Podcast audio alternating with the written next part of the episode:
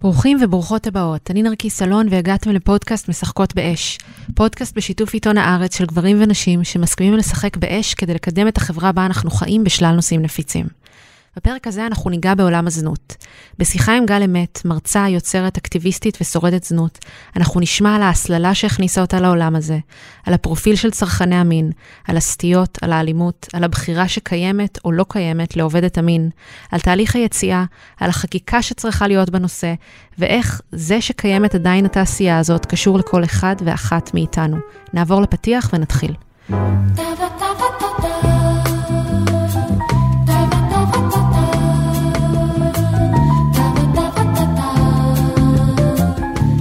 מה הביא אותך להיכנס לעולם הזנות לראשונה בעבר? מאיפה בכלל שמעת עליו? אמ, הסיפור שלי עם זנות הוא, הוא קצת חצוי, כי מצד אחד אני רוצה לענות לך, נכנסתי לזנות אי שם בגיל 18, אה, כי חברה הציעה לי לעבוד איתה, אבל אה, בגדול הרצף מתחיל הרבה לפני כן, זאת אומרת, כבר מגיל מאוד קטן, ומשנות העשרה שלי, עברתי איזושהי סוג של הסללה. זאת אומרת, נחשפתי אל השפה הזאת, אם זה דרך המשפחה שלי, אם זה דרך הצעות מבחוץ, נבנה איזשהו נרטיב שאפשר את זה, שכשבפעם הראשונה עמדתי מול האפשרות של אה, שירותי מין מאיזשהו סוג אה, בעבור תגמול, זה לא היה נשמע כזה farfetch כמו לאנשים אחרים.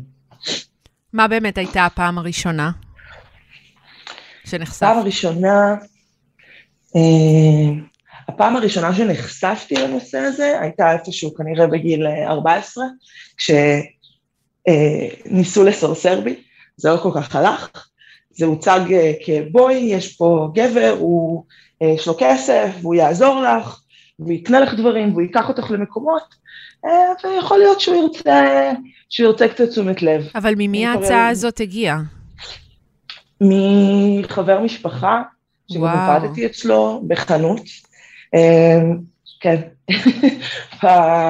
ברעיון הבא נדבר על איזה בית גדלתי בו, אבל, אה, אבל באמת זה, זה הוצע, ובסביבה שגדלתי בה מעולם לא טווח לי שהדבר הזה הוא דבר רע ומסוכן. אה, שילדה בת 14-15 אה, צריכה להיות עם בני גילה ו- ולא עם מבוגרים, אבל זה בסוף לא קרה. שנתיים אחר כך, כשעזבתי את הבית של אימא שלי והתחלתי להתגלגל, אז ההזדמנויות האלה שנקרו לדרכי כבר היו הרבה יותר הגיוניות. אה, בתקופה שעזבתי את הבית הייתי ככה בין בתים של חברים בכל הארץ, והיה לי נורא נורא קשה לשמור על עבודה רגילה, מסודרת, ולחסוך לקראת דירה משלי. וזה התחיל מלהיות רקדנית גוגו במסיבות. באה חברה ואומרת לי, תקשיבי, יש לי הצעת עבודה בשבילך, אני שמעתי שאת ככה צריכה עזרה, ואני מנהלת חברה של רקדניות, בואי תצטרפי, בואי תצטרפי אליי. מה זה אומר בעצם? יום שישי בערב, נהג מונית בא לאסוף אותך, את מגיעה למועדון לילה, מועדון רגיל, לא מועדון חסכנות או משהו כזה. אמ, אנחנו עולות על הבר, במה, כלוב, תלוי מה יש שם, שלוש פעמים במהלך הערב, כל פעם כזאת בערך 15 דקות, כמה שירים. אמ, אנחנו בלבוש מאוד מאוד מאוד מינימלי, אם אפשר בכלל לקרוא לזה לבוש. רוקדות, עושות שמח, סוף הערב, 400 שקלים ביד. כן. והגעתי ועשיתי את זה ואיכשהו בתוך התהליך הזה של, אה, של להתנסות בדבר הזה, אז את יודעת, זה הולך, זה, זה, זה, זה בהדרגה קורה. זה הולך ומסלים בהדרגה. זה מתחיל מזה שאני רוקדת במסיבות רגילות, מסיימת לרקוד, חוזרת לאיפה שאני גרה באותו הזמן. ממשיך לזה שפתאום הם, אה, לוקחים אותי כבר למסיבות עם קהל קצת יותר מבוגר, אה, ממשיך לזה שאנחנו אחרי העבודה מסתובבות גם עם חלק מהלקוחות כדי לקבל טיפים ולקבל עוד כסף. אין שום מגע, אין שום מין, אין שום דבר, אבל באמת באותה, באותה קונסטלציה הכל נגלה בפניי. זאת אומרת, השורת קוקאין הראשונה שאי פעם ניסיתי, הפעם הראשונה שהתנסיתי ב... אה, להיות בסצנה שכולם בה מאוד מאוד מאוד מבוגרים, זה הכל קרה שם.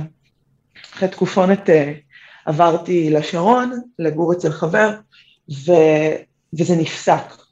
ואז בתקופה שגרתי בשרון והיינו יוצאים כל ערב לתל אביב, נוסעים הלוך חזור אה, לבלות בעיר, אז גם צריך כסף לבילויים ועניינים, ובאותה תקופה כבר גם יש אה, קצת סמים, אז, אה, אז עבדתי בתור נערת טלפון, זה כשעוד היה את זה, כן. קצת לפני עידן המצלמות. אה, חשבנו שזה יהיה מצחיק. הוא בחור, הוא בחור הומו שהיה כל הזמן באפליקציות של ההיכרויות, מקבל הצעות מכאן ועד הודעה חדשה, ופתאום הגיעה ההצעה הזאת, חשבנו שזה יהיה מצחיק, בסוף זה התגלה כעבודה ממשית עבורי לפחות. אה, וזהו, איפשהו בשלב הזה, כאילו ברטרוספקטיב אני יכולה להגיד שאיפשהו בשלב הזה אני כבר, אני כבר די עובדת מין, אני פשוט עוד לא יודעת את זה. זהו, מתי, לא מתי הבנת את זה בעצם? אני חושבת שהבנתי את זה אה, כשהייתי צריכה בפעם הראשונה בחיי להסתיר את זה. הייתי בת 18 וקצת, הכרתי, בשלב הזה אני כבר אחרי שהכרתי ספונסרים, ואני עמוק בפנים במובן של uh, להיפגש עם גברים ולקיים יחסי מין בתמורה לתשלום. זה נבע מחוסר מאוד מאוד משמעותי בביטחון ובעצמאות, uh, גם כלכלית וגם uh, נפשית. ו... באמת, אימא שלי פעם זרקה לי, יאללה, לכי, אה, למה שלא תיכנסי לאיזה אתר היכרויות, תכירי איזה גבר מפוטר עם כסף, במקום כל הילדודס שאת יוצאת איתם. ובאמת, פתחתי כרטיסים באתרי היכרויות, וחלקם היו אתרים שאז לא יכולתי לזהות בכלל שהם אתרי זנות. וואו. אה, כי הם אה, עטופים בהמון המון המון בחורות צעירות ויפות, עם גברים עמידים ומצליחים, ו... את יודעת, את מאוד מאוד צעירה, ואת לא, את מבינה, אבל את לא תופסת את זה. ו... אגב, רק הערת צד, גם היום היתרי הכרויות הכי uh, קונבנציונליים ופופולריים מהווים פלטפורמה לשידול לזנות. חד משמעית. מבלי ששמים לב, כן. בטח, המון. זאת אומרת, יש אתרי היכרויות שבאופן אקסקלוסיבי הפכו להיות אתרי זנות, כי, כי זה קרה בהם יותר מאשר היכרויות מסוג אחר. כן. ובאמת, אני ככה אה, מתנסה בזה, ו... אה, אה, תומך אחד, תומך שני, תומך שלישי, לתקופה של כמה חודשים זאת הפכה להיות המציאות שלי. מאוד מהר זה הופך להיות המציאות שלך, אבל אז כשהכרתי בחור צעיר שמצא חן בעיניי והתחיל איתי ורצה לצאת איתי ולהיות בן הזוג שלי, אז מהר מהר מהר התחלתי לספר כל מיני סיפורים על איך אני מחזיקה את הדירה, מאיפה יש לי כסף, אפילו החלפתי טלפון. זאת אומרת, כל כך פחדתי שהוא יגלה שפשוט החלפתי טלפון לגמרי. זרקתי את הטלפון הקודם באיזה מגירה בבית, במקום לשבת ולמחוק דברים. וזה היה הרגע שבו הבנתי שאני עובדת מין, שיש משהו בתוך החיים שלי ש, אמ, שמזין אותי, ששומר על העצמאות שלי, אבל הוא גם מקור מאוד מאוד גדול, מה שהרגשתי אז בכל אופן, לבושה. כשאת מסתכלת אחורה עכשיו, אה, בטח יש לך המון זיכרונות, ואם את צריכה לחשוב, מה החוויה הכי כואבת שלך מהעולם הזה? החוויה הכי כואבת שלי מהעולם הזה.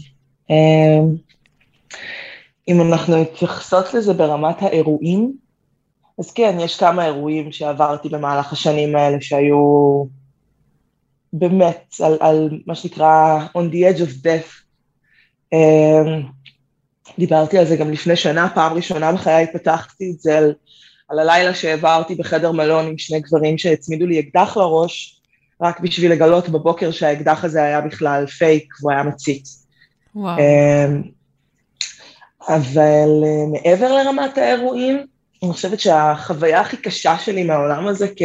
כתחושה, כאיזה רעיון, כאיזה מסר, זה שאת לא שמה לב אפילו כמה נלקח ממך. בשלב שעוד היה לי בסדר וטוב, מה זה טוב? טוב יחסי. הכסף הזה הציל את החיים שלי, קיבלתי ערך שלא היה לי לפני כן, הצלחתי להחזיק את עצמי, הצלחתי לייצר לאימא שלי איזשהו מצג של, של הצלחה, שהקטין את ה abuse מצידה. אה, הייתה לי את המוביליות סוף סוף. ובזמן הזה שכל הדברים האלה קורים, הזנות פשוט שתתה עם קש מאוד שקטה את, ה... את ה being שלי, את הזהות שלי. הרגע הזה שאחרי שלוש-ארבע שנים שאת עובדת, את מביטה בעצמך, את מוצאת את עצמך באיזה חדר מלון או לופט, מחוקה לגמרי מקוק או מוודקה או ממה שלא יהיה, כי לפעמים יש נשים שזה אצלן יומיומי, אני השתדלתי שלא, מעולם לא הייתה לי גם בעיית התמכרות, אבל היו מצבים שהייתי חייבת, כאילו שאם את לא מחוקה לגמרי, את לא יכולה לעבוד. וזה הרגעים האלה שאת מוצאת את עצמך בחדר מלון, בשמונה, תשע, עשר בבוקר, כשהעולם הנורמטיבי מתקיים בחוץ, ואת עומדת מול מראה בשירותים, ואת לא מזהה אותך, את לא מזהה את מי שאת, ואת מחפשת איזה שברים של עצמך, רק בשביל לגלות שהדברים שה, היחידים שעוד נותרו, הם כאלה שמייסרים אותך. עד כמה היית אומרת שאונס הוא חלק אינהרנטי מהעולם הזה? אמ, טוב, אז ככה. קודם כל נתחיל מזה שיש סטטיסטיקה. בואי בוא, נתייחס רגע לעובדות. אה, לעובדות שלא קשורות במהות של ה... במהות הפילוסופית החברתית של העבודה הזאת. אה, הסטטיסטיקה היא שפעם ב-XYZ אה, אקטים מיניים מתרחש אונס, נכון? נניח פעם בעשרה אקטים מיניים אונס קורה.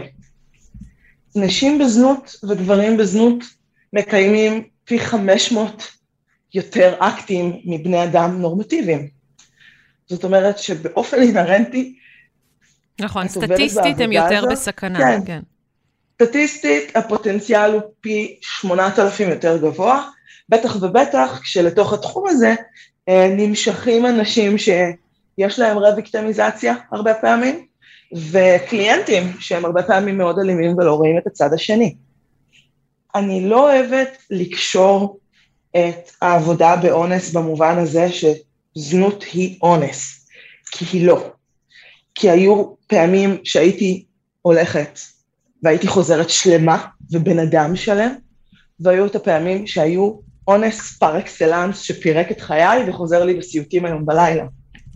זה צריך, אה, זה, זה העניין, שזה כאילו, בגלל שמדובר כאן באיזשהו יקום אחר, אז גם הסטטיסטיקות האלה הן פחות רלוונטיות בו.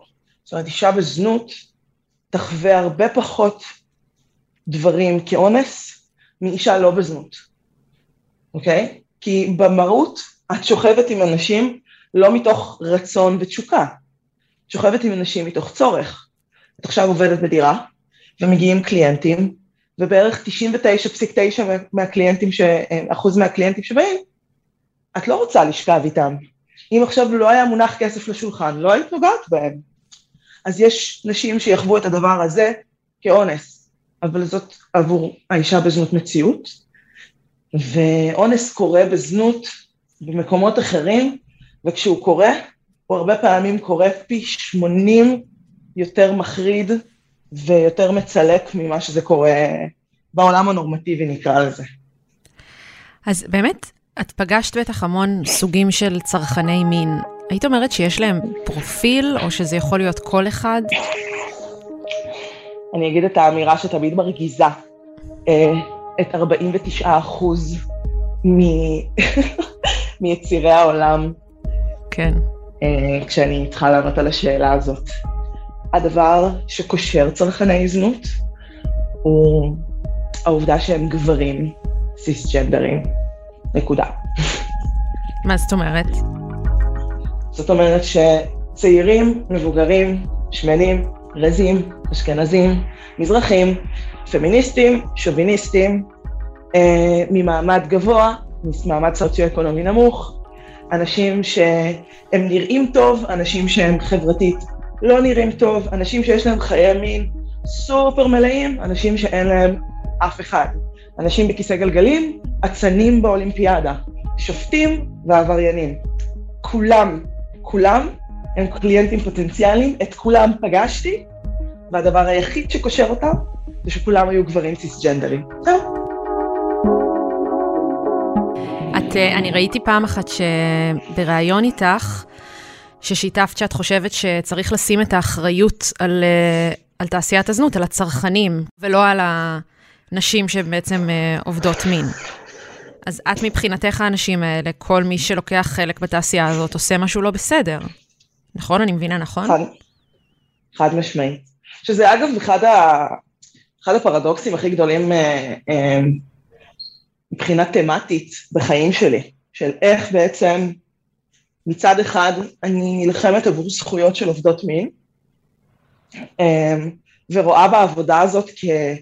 מה שנקרא כרוע הכרחי עבור אנשים מסוימים לשרוד, ומצד שני אני לא חושבת שאף צרכן זנות בעולם הזה מבין את גודל הנזק שהוא תורם לו ברמה הסופר אישית שלו, גם מול האישה שהוא אה, מולה וגם מול העולם כולו.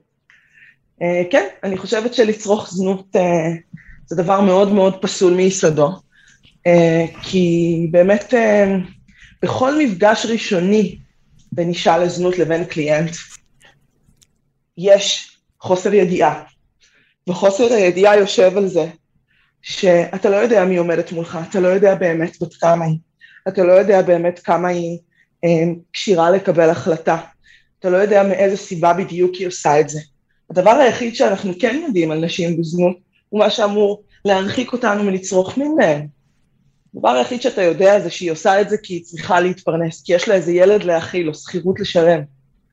ומבחינתי בכל פעם שאדם בוחר ביודעין אמ, לנצל חולשה של מישהו אחר, גם אם זה בשביל לתת משהו וגם אם זה בשביל להעניק בחזרה, זה ניצול של חולשה. כי זה מבחינתי שווה ערך לזה שאני ואת יצאנו לדייט, ואת ממש מוצאת חן בעיניי. ישבנו בבר, שתינו, שתינו, שתינו, שתינו, ובאתי אלייך הביתה. אפילו שילמתי על כל הדרינקים. אז אנחנו יושבות על הספה, ואת לא מראה שום סימני התנגדות, אבל אני קולטת שאת נורא נורא נורא נורא שיכורה. נורא שיכורה. ואני, מה, מה זאת אומרת? אני באתי לכאן בשביל לקבל משהו. את מוצאת חן בעיניי, את גם לא מתנגדת. רוב בני האדם שאני פגשתי בכל אופן, לא היו שמים אצבע. כי זה שאת שטויה הופכת יחסי הכוחות לאחרים. בכל סיטואציה בין קליינט לבין עובדת מין, יחסי הכוחות הם פשוטים. ידו על העליונה. ועל אף שהמון המון חברות שלי שעובדות מין אומרות, מה? מה פתאום? ידי על העליונה, אני עושה מה שאני רוצה. עבדתי מספיק זמן בזנות בשביל לדעת שזה מנגנון הגנה מאוד עצוב שאנחנו נאלצות ללבוש על עצמנו, כדי לא להתארך להתמודד עם הבושה החברתית שתגיע ברגע שנגיד, וואלה, אני לא רוצה שהוא ישים עליי את היד, אבל אין לי ברירה. אז מבחינתך אין כזה דבר, אפילו דוגמה של אישה אחת שהיא עובדת מין, שהיא באמת בוחרת בזה ממקום של עוצמה? זה לא מה שאמרתי. אפשר לבחור בזה ממקום של עוצמה, אבל זה לא משנה את המציאות. את יכולה להיות אישה מאוד חזקה, מאוד מועצמת, עם מיניות מאוד ויביד, ועדיין, ברגע שאת עוסקת בזנות, הקליינטורה היא הקליינטורה, היא לא משתנה בהתאם לאנרגיה שלך. זה לא שזונות מועצמות פוגשות קליינטים מועצמים. וראיתי כל כך הרבה סיטואציות שבהן אישה מאוד מאוד מאוד חזקה ומאוד מאוד מועצמת, היה חסר לה את העוד 500 שקלים האלה לשכירות, והשכירות צריכה להיות משולמת מחר, אז זה פחות הרגע הזה שבו אני עושה סלקציה מתוך העצמה שלי של איתך אני לא אלך, ואיתך אני לא אלך, ואיתך אני לא אלך. בפועל, יותר צרכנים מסרבים לעובדות מין, מעובדות מין מסרבות לצרכנים, ממה שאני ראיתי בחיי בכל אופן. וזאת אמירה שהיא קשה, אני יודעת, וזה מכאיב. זה מכאיב בעיקר לחברות שלי ולחברים שלי שהם עובדי מין בהווה. אבל זאת מציאות שצריך לדבר עליה, שצריך להנכיח אותה. כי אני כן מאמינה שיכול להיות עולם שבו עבודת מין, לפחות בחלקים ממנה, יכולה להיות משהו פחות פוגעני. אולי לא משהו מושלם, אבל הרבה פחות פוגעני. אז באמת אני רוצה לדבר רגע על העולם הזה שנייה. יש את כל התחום שאת בטח מכירה של מיניות מקודשת, מיניות מודעת. Oh.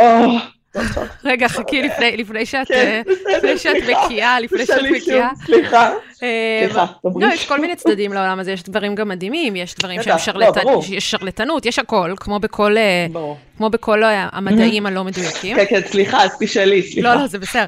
אז בעולם הזה באמת אה, יש את העניין הזה שנקרא טיפולי יוני, עיסויי יוני, עיסויי לינגאם, וגם שם כן. יש לך עובדי מין ועובדות מין, זאת אומרת, מטפלים ומטפלות. נכון, ו- הייתי, ב... עברתי קורס כזה האמת, עם קליינט שלי. שילם לי. כסף כדי לבוא איתו לעשות אה, קורס עיסוי יוני. אה, אצל זוג וואו. מטפלים מדהימים, אצל זוג מטפלים מדהימים מאוד. אה, זהו, מעניין אותי, איך את רואה את ה... איך את, אם את משווה רגע בין העולמות, מה מה את רואה שם? אז מה שאני רואה הוא כזה.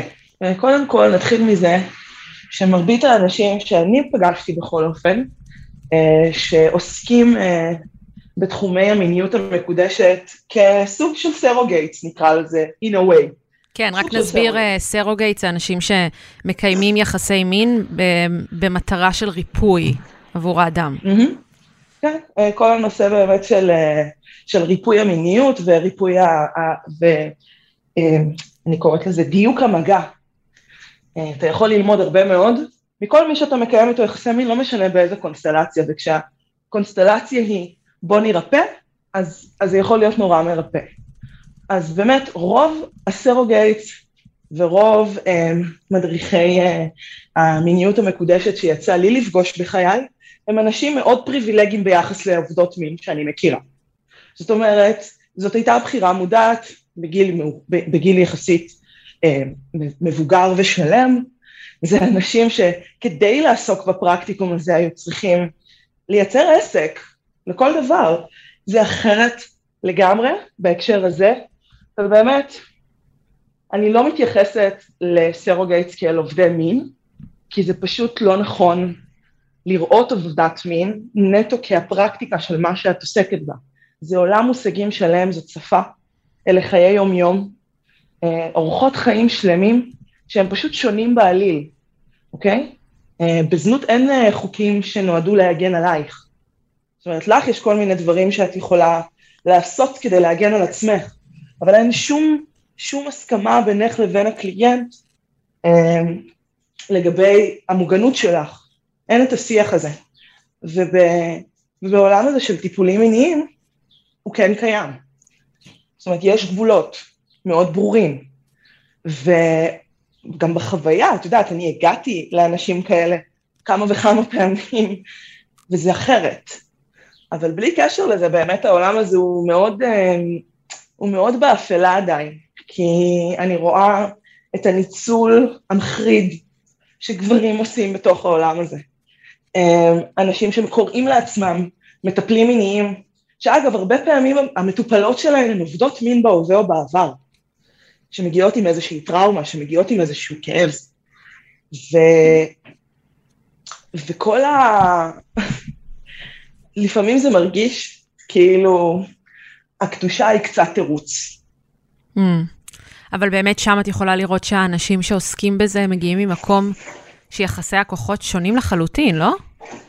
חד משמעית. כשאני הגעתי אל אותו זוג מקסים לבית בהרי ירושלים עם הקליינט שלי, שרצה ללמוד מיניות טובה יותר והיה צריך פשוט פרטנרית לשיעורים של עיסוי יוני, כשהגעתי אליהם הביתה, לחצי שנייה לא הרגשתי שידי על העליונה. כשבן אדם שעוסק באיזשהו סוג של עבודת מין, הוא בן אדם שלא תלוי כלכלית ברמה האקוטית, ושיש לו מוביליות, ושיש לו מרחב עכשיו, בחירה ותמרון, זה הופך את זה לאחר לגמרי. אגב, זה באמת העיוות שכסף אה, עושה בהמון תחומים, כמובן, לא רק בתחום חד- של עבודת חד מין. משמעית. זה, זה חד יש משמעית. לי שאלה קצת משונה, אה, בקשר לכל מה שקשור לסטיות מיניות ודברים שגם מהמם. ראיתי שכתבת עליהם, שקרה בעצם עם... אה, שקרו עם... ייי, אה, הגענו. לחלק האהוב עליי, בטח. בהיכרות שלך עם העולם הזה, שראית אה, את הדינמיקה הזאת בין גברים ונשים, איפה המקום לדעתך לכל מיני סטיות כאלה? איפה זה נכנס ליחסי הכוחות בינינו? מה, מה קורה שם? אז אה, אני ככה אשתף אה, ברמה היבשה והלקונית, שבמהלך חמש וחצי שנות אה, עיסוק בעבודות מין, אה, הייתי רקדנית, הייתי חושפנית, הייתי נערת טלפון, עבדתי במצלמות, עבדתי בדירות, הייתי מזכירה, הייתי נערת ליווי, אבל תקופה מאוד משמעותית הייתי מלכת צדו. ו, ובעצם עסקתי, העבודה שלי הייתה... בתשלום אבל. בוודאי. כן. וכאילו בהקשר הזה בתשלום, כן. ובאותה תקופה העיסוק שלי בעצם היה כל הדיאלוג הזה אמ, על הדינמיקות העדינות שבתוך הסטיות הקשות. ו... וזה באמת מאוד מעניין, כי מצד אחד אני רוצה להגיד שהרבה מאוד קליינטים מגיעים בשביל לממש אי אלו סטיות, אה, אבל שברוב ברוב הפרקטיקות של עבודת מין אין את הדיאלוג החשוב הזה של uh, הסכמה, רצון וחיבור אל הסטיות האלה. זאת אומרת, הרבה פעמים קליינטים מגיעים לעובדות מין לממש סטיות מאוד קשות, מתוך זה של, אה, ah, אוקיי, היא רק זונה, אני אשלם לה, היא תעשה מה שאני אגיד. Uh, וגם, בס... וגם בסאדו זה היה מאוד מונחח, זאת אומרת, ב-BDSM ממש קראנו לזה שליטה מלמטה. הם היו מגיעים כן נשלטים. את מלכה, דומינה. Uh, אבל בשיחת תיאום הציפיות ביניכם, הם בעצם מכתיבים לך את איך סשן הולך להיות, ואת מה הולך לקרות, ולמה הם מצפים בסוף. אמ, ו... וזה מעניין מה שאמרת קודם על המחקר, כי באמת, אני פוגשת המון, את יודעת, גם uh, כעובדת מין, אז פגשתי את כל העולמות, את המעגל השני, מה שנקרא, של uh, העולם הזה של uh, מיניות יותר, יותר ליברלית ומתירנית, אבל שלאו דווקא יש בה ממש עבודת מין. וראיתי המון את המשיכה אל אה, ויחסי כוח שהם מאוד מאוד מאוד מאוד נפרדים, ובאיזשהו שלב הבנתי שזה בגלל שזה במס, במסגרת של משחק. זאת אומרת, יש משהו ב, ברעיון של סשן BDSM שהוא מאוד משחקי, אוקיי? Okay? להרבה נשים יש פנטזיית אונס, אבל הן לא באמת רוצות להיאנס. כמובן. הן שולטות בסיטואציה, הן, הן מכתיבות את הסיטואציה. אז אותו דבר גם עם קליינטים לעובדות מין.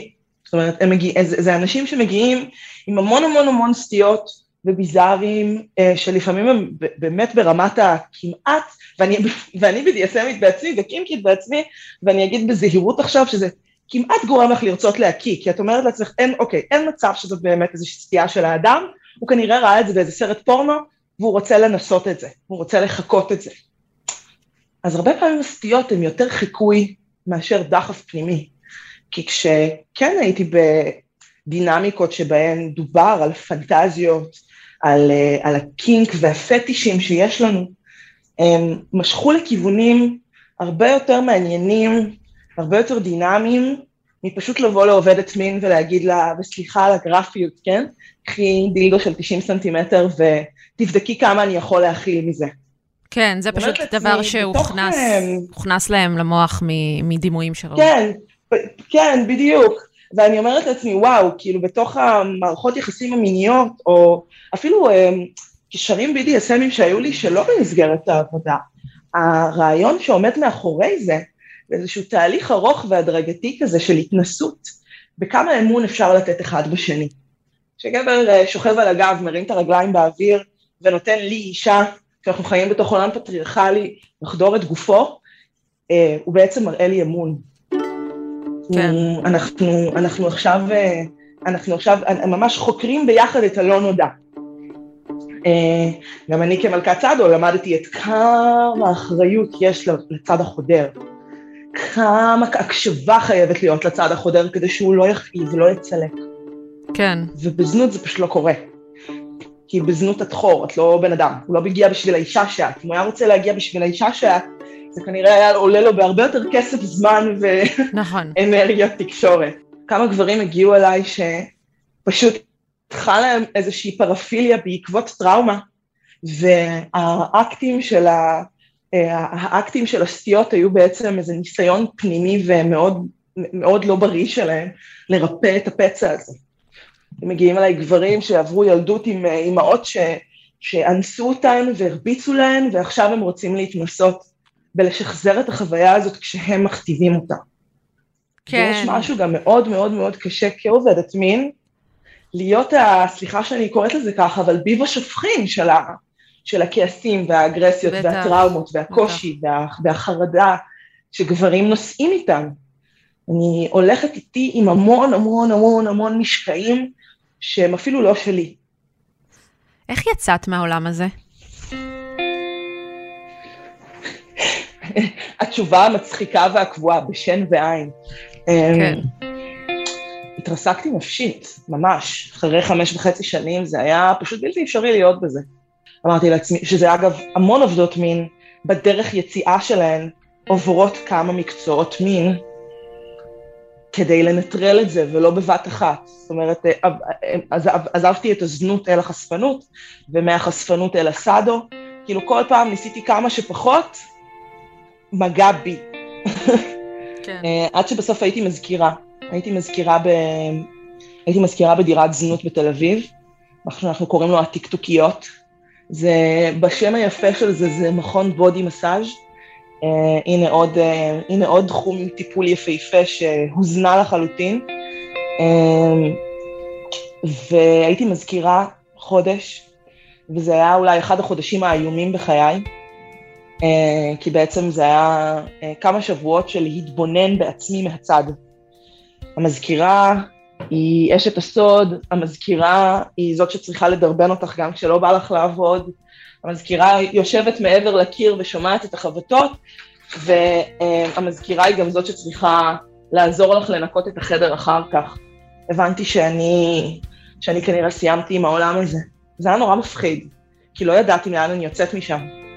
אני בחורה... אה, אה, אומר באפס ענווה שאני בחורה רבת כישרונות ואינטליגנטית, ותמיד אה, צפו לי עתיד מאוד מזהיר, והיו לי חלומות מאוד ברורים. פתאום יצאתי מהזנות ולא ידעתי מה אני עושה עם עצמי. אז נשאבתי לתוך זוגיות אלימה, כמובן, אה, כמו לא מעט. הרבה נשים יוצאות מזנות דרך זוגיות, והרבה פעמים הזוגיות הזאת היא לא משהו. כן. ו... שזה גם מספר לך, אני חושבת שזה כאילו בתוך התהליך שלי של החקירה היותר אה, ככה פילוסופית של הסוגיה הזאת, אני צוללת פנימה ופתאום אני מבינה שזה גם מספר סיפור מאוד מאוד חזק על איזה נשים אנחנו ובעצם מה, חוץ מהצורך הכלכלי, מה היה שם בהארד קור של הדבר. כל כך הרבה נשים שהייתי רואה שעובדות איתי, שרק מחכות שיגיע הגבר הזה, שיגאל אותן מהחיים האלה ומהעולם הזה. וזה, וזה, ש, וזה נתיב היציאה החוצה. uh, היום שבו אני רוצה שהגוף שלי יהיה רק של מישהו אחד ולא של כולם.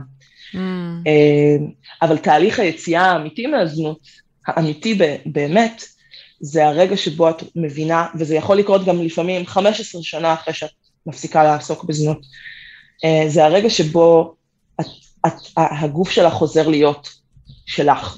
Mm. אני, לא, אני לא רוצה שהגוף שלי יהיה של מישהו בכלל, ש, קודם כל שלי.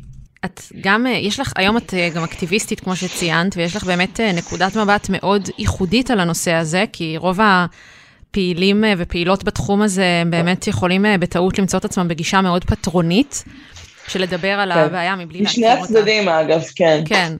ובאמת, בתור מישהי שמכירה את הנושא על בוריו, איך לדעתך צריכה להיות החקיקה בנושא? מה צריך להשתנות? לאיזה עולם אנחנו צריכים וצריכות לצעוד בתחום של עבודת מין?